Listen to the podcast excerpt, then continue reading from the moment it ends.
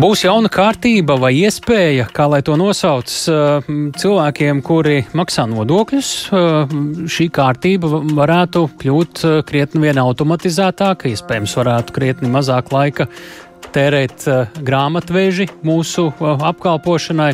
Proti, pašno, šobrīd uh, pašnodarbinātai personai, kas ir mikro uzņēmuma nodokļa maksātājs, nu, sanāk, ka vairs nebūs jāiesniedz šī mikro uzņēmuma nodokļa deklarācija. Uh, kāpēc mēs tā varam teikt? Tāpēc, ka uh, viena komercbanka Latvijā, Industra banka, kā pirmie no nozares ir ieviesuši saimnieciskās darbības izdevumu kontu. Tas kopā ar valsts ieņēmumu dienestu un Finanšu nozares asociācija notiek, un mēs esam tieši uz ieņēmumu dienestu šobrīd piezvanījuši, un pie mūsu klausulas ir nodokļu pārvaldes procesa nodrošināšanas metodikas daļas vadītāja vietniece Ginta Gruntmane. Labdien! Labdien!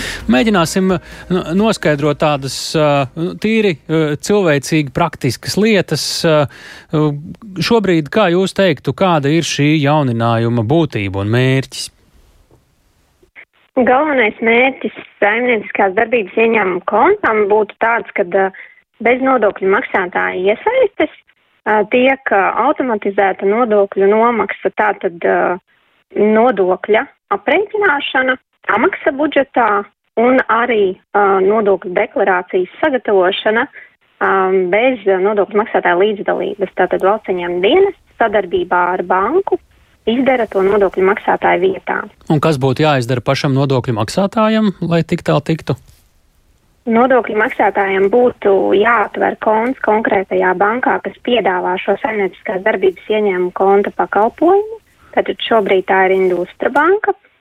Un attiecīgi jāizpilda iesniegums uh, valstiņam dienesta elektroniskās deklarēšanas sistēmā, norādot šo konkrēto bankas norēķinu kontu, kuram tad vēlas pieslēgt šo saimnieciskās darbības ieņēmumu konta režīmu.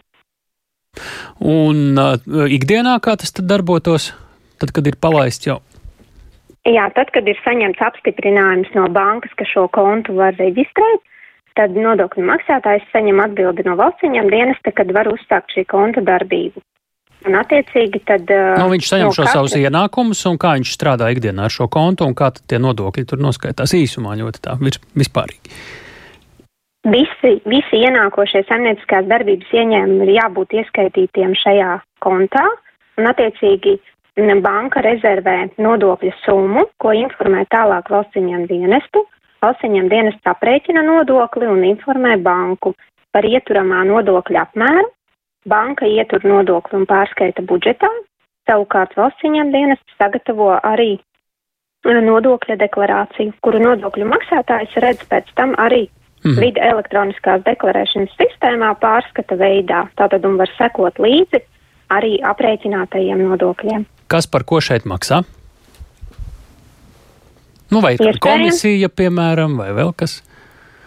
Iespējams, ka ir komisija no bankas puses, un tas būtu tad tā kā jāvēršās bankā, jāinteresējās par šo jautājumu. Šī šobrīd ir vienīgā banka Latvijā, kas to piedāvā. Mēs arī ļoti labi redzam, ka tā nav neviena no lielajām bankām. Pagaidām šobrīd tie plāni, nu, jūs, eh, es skatoties pēc amata, droši vien jūs arī neesat tā, kas izšķiras par to, bet uh, šobrīd izskatās, ka vismaz tuvākajā nākotnē tā tīri tehniski neviena no lielajām bankām jums nav plānos, ka arī varētu pieslēgties šim stāstam.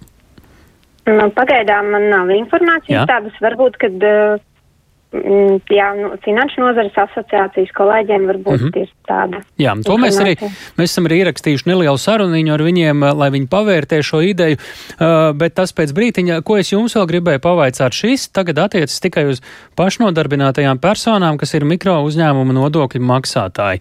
Nu, citi arī ar kāru acis skatās uz šādu iespēju, ļoti iespējams, uh, un uh, vai ir plāni arī uz citiem nodokļu maksāšanas režīmiem to kādien attiecināt? Šobrīd uh, nav tāda informācija pagaidām, vai būtu nu, papildus paplašināt šo režīmu, bet ja tiks uh, iedzīvināts šis uh, konts un būs tāda iespēja, pieļauju, ka tiks arī izskatīts arī, kad uz citiem režīmiem varētu paplašināt. Kā nonākts līdz šim ir? Vai tas bija tāds, es nezinu, tā kā nodokļu maksātāju spiediens iniciatīva jautājumi, vai tā nevarētu piemērs citās valstīs jau ir bijis un mēs uz to sākam iet šobrīd? Kā mēs esam tik tālu tikuši? Cik atminos, tā ir bijusi arī tā kā valdības iniciatīva.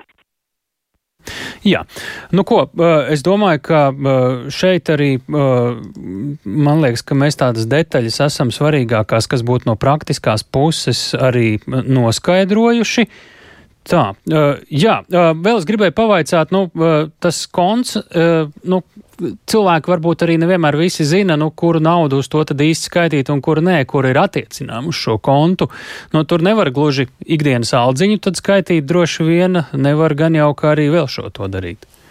Ja nodokļu maksātājs ir reģistrējies kā saimnieciskās darbības veicējs, tad attiecīgi šie visi saimnieciskās darbības ieņēmumi būtu ieskaitāmi šajā saimnieciskās darbības ieņēmumu kontā. Un ja tur man draugs par konfektēm pārskaita? tad arī no tās summas tiks ieturēta šī aprēķināts nodoklis. Bet tad ir paredzēta arī kārtība, ka nodokļu maksātājiem ir iespēja vērsties valsts ieņēmuma dienestā un pamatot to, ka, ja tur ir nejauši nu, gadījusies tāda situācija, ka tā nav saimnieciskās darbības ieņēmumi, tātad naudiņa, tad attiecīgi Labi. ir kārtība, kas paredz atmaksāt. Mm.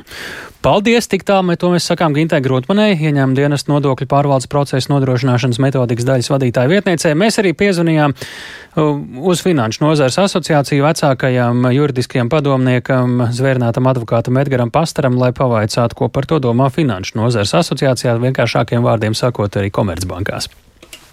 Šis bija liels kopdarbs gan starp valsti, gan starp asociāciju, gan starp attiecīgo banku, kas prasīja ilgāku laiku. Tas ir pirmais mēģinājums Latvijā automatizēt nodokļu nomaksu caur bankas kontu. Līdz šim mums nodokļu sistēmā nebija tāda veida nodokļu, kuru mēs varētu automatizēt. Šis ir pirmais mēģinājums.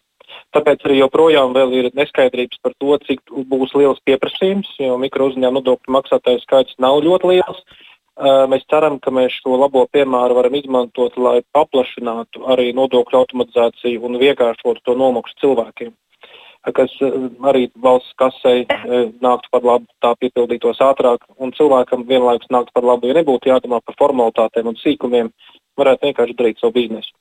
Uh, tāpēc arī sākums ir viena banka, kas nav no lielajām Latvijas bankām. Tāpat kā tas notika Igaunijā, arī viena no mazajām bankām, kura ļoti aktīvi tirgu uh, piedāvā analogu pakalpojumu arī tur, patiesībā pēc gandrīz tādām pašām likmēm un nosacījumiem. Tādēļ teiktu liels solis, bet nu, šis noteikti nav tas, pie kā būtu jāapstājas. Ir jādomā, kā vēl plašāku cilvēku skaitu uh, mainot nodokļu likumus, eh, iesaistīt šādā, šādā pakalpojumā, jo tas visiem ir izdevīgi. Ja reiz tas visiem ir izdevīgi, kāpēc tas joprojām nav plašāk pieejams gan uz plašāku nodokļu maksātāju loku, gan arī plašākā banku klāstā, kā jūs to redzat? Nu, pirmkārt, nodokļu sistēmā tur ir vajadzīga zināma drosme, par to, ka mēs atsakāmies no kaut kāda precīzi varbūt aprēķiniem ir ieviešama vai nu apgrozījuma nodokļus vai kaut kāda veida izdevumu normas, pēc kuriem nodokli var automatizēt. Tad problēma ir, kā pielāgot uh, normatīvu aktu prasības un nodokļu prasības automatizācijai. Tas ir vienmēr liels izaicinājums. Tas līdz šim mums nav bijis prioritārs, aktuāls, varbūt līdz šim arī tehnoloģiju attīstības dēļ. Šobrīd tas kļūst aktuāls. Un otrā lieta - tieši pieprasījuma daļa. Tiklīdz tas lietotāju skaits būs vairāk par nu, 5, 10 tūkstošu cilvēkiem, bet mēs runātu jau par lielu pašnodarbināto grupu, kā 50, 70 tūkstoši, 100 tūkstoši cilvēku. Tā ir skaitā pasīvās nomas vai īres e, nodokļu nomaksai. Tas pēc būtības jau būtu pieprasījums, ka arī citas bankas ienāk tirgu, jo vienkārši klientu skaits ir daži tūkstoši tad tur nav vairāk bankām ko darīt vienkārši. Bet mēs ceram, ka attīstot šo produktu, arī citas bankas sāktu piedalīties šajā risinājumā, un tad mēs no tā redzētu jau lielāku ieguvumu sabiedrībai. Tas nozīmē, ka, lai šeit ienāktu citas bankas un tas daudz vairāk interesētu komercbanku sektoru, kam un kas būtu jāizdara? Pavisam vienkāršoti paplašināt tos nodokļus, kuru, kur ir automatizējumi. Piemēram, pasīvās nomas 10% mēnesī, mēnesī, kas tiek maksāts arī šo iekļaut likumos zem šīs saimnieciskās darbības ieņēmuma konta jumta, ja tā var teikt. Un savukārt parastajiem pašnodarbinātajiem, piemēram, nevis ļaut uzskaitīt kaut kādās brīdī detaļās izdevumus, bet pieņemt to kā izdevumu normu, piemēram, 10% vai 20% izdevumu, tad jau šo formulu varētu automatizēt. Tas ir nodokļu jautājums vispirms, un pēc tam tas ir banku jautājums. Jo, jo banka varbūt tik var tikai rēķināt formulas, banka nevar šajā brīdī kādā vietā kārtot grāmatvedību. Kas ir tas, kurā stadijā šobrīd mēs esam ar to, cik tālu no tās situācijas, kur bankas jau tiešām ir ieinteresētas ienākt šajā lauciņā? Es teiktu, ka šobrīd mēs esam tieši tur, ka uh, ir pirmais mēģinājums, vērtēs rezultātus, un tad es domāju, arī jaunā saima, jaunais finanšu ministrs jaunā valdība noteikti es ceru, ka izvirzīs kā prioritāti domāt, kur mēs vēl varam iet tālāk. Jo es zinu, ka arī atsevišķās kaimiņu valstīs arī ir šādi interesanti mēģinājumi. Mēs neesam vienīgie. Daudzi meklē risinājumus šajā virzienā. Kāpēc tai būtu jābūt prioritātei? Kas būtu tas lielais ieguvums, ko mēs visi, arī klausītāji, teikt, iegūtu? Pirmkārt, laika un izmaksu samazinājums visās pusēs. Gan nodokļu maksātājiem nav jāalgo grāmatvedis, Viņš var maksāt par kontu 5 eiro mēnesī, fiksēt apkalpošanas maksu, nevis domāt, kā algot grāmatvedi. Otrakārt, cilvēki mazāk laika tērētu atsevišķu santīmu un dažu eiro saskaitīšanai, savukārt nodokļu administrācijai nebūtu jātērē tik daudz laiks sīkiem kontrolas pasākumiem par mazām summām, bet tā varētu pievērsties lielākiem jautājumiem, kur ir tiešām arī lielāki nodokļu nesamaksas riski. Un šeit līdz ar to arī, arī valsts budžets var plānot uh, finanšu plūsmas daudz uh, ātrāk, ērtāk un vienkāršāk. Nevis kā piemēram klasiskajiem pašamdarbinātājiem šobrīd katrs izdevums jau atskaita pašam. Nodoklis maksāts bieži vien tiek pēc gada rezumējošā kārtībā, kas pēc būtības nozīmē, ka ir risks, ka aizmirst samaksāt naudu, kas paredzēta nodokļiem notērēt, tad paliek parādā valstī, tad jāieslēdz piedziņas process respektīvi, mēs no visa šī administratīvā murga varētu izvairīties. Jā, tad no nu, izmaksu viedokļa 5 eiro cilvēkam šis, šis konts maksā mēnesī, un nu, algot grāmatu reizēt nu, bez, bez 11 eiro mēnesī tas necenāk. Ieviešanas izmaksas šādam kontam mazā bankā ir ap no 50 līdz 100 tūkstošiem apmēram, lai ieviestu vispār.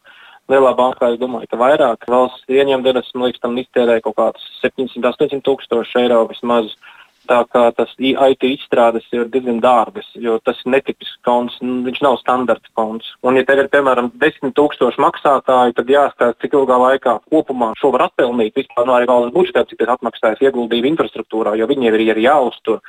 Tādēļ eh, pie maza skaita nodokļu maksātāju darbināt sistēmu, kas izmaksā dārgāk nekā var iekasēt nodokļos, tas ir bezjēdzīgi. Tāpēc mums ir jāiet uz daudz lielāku cilvēku loku. Bet noteikti bet tā nedrīkst apstāties, jo citādi investīcijas var sanākt, ka viņas ir lielākas nekā reāli iekasēs nodokļos.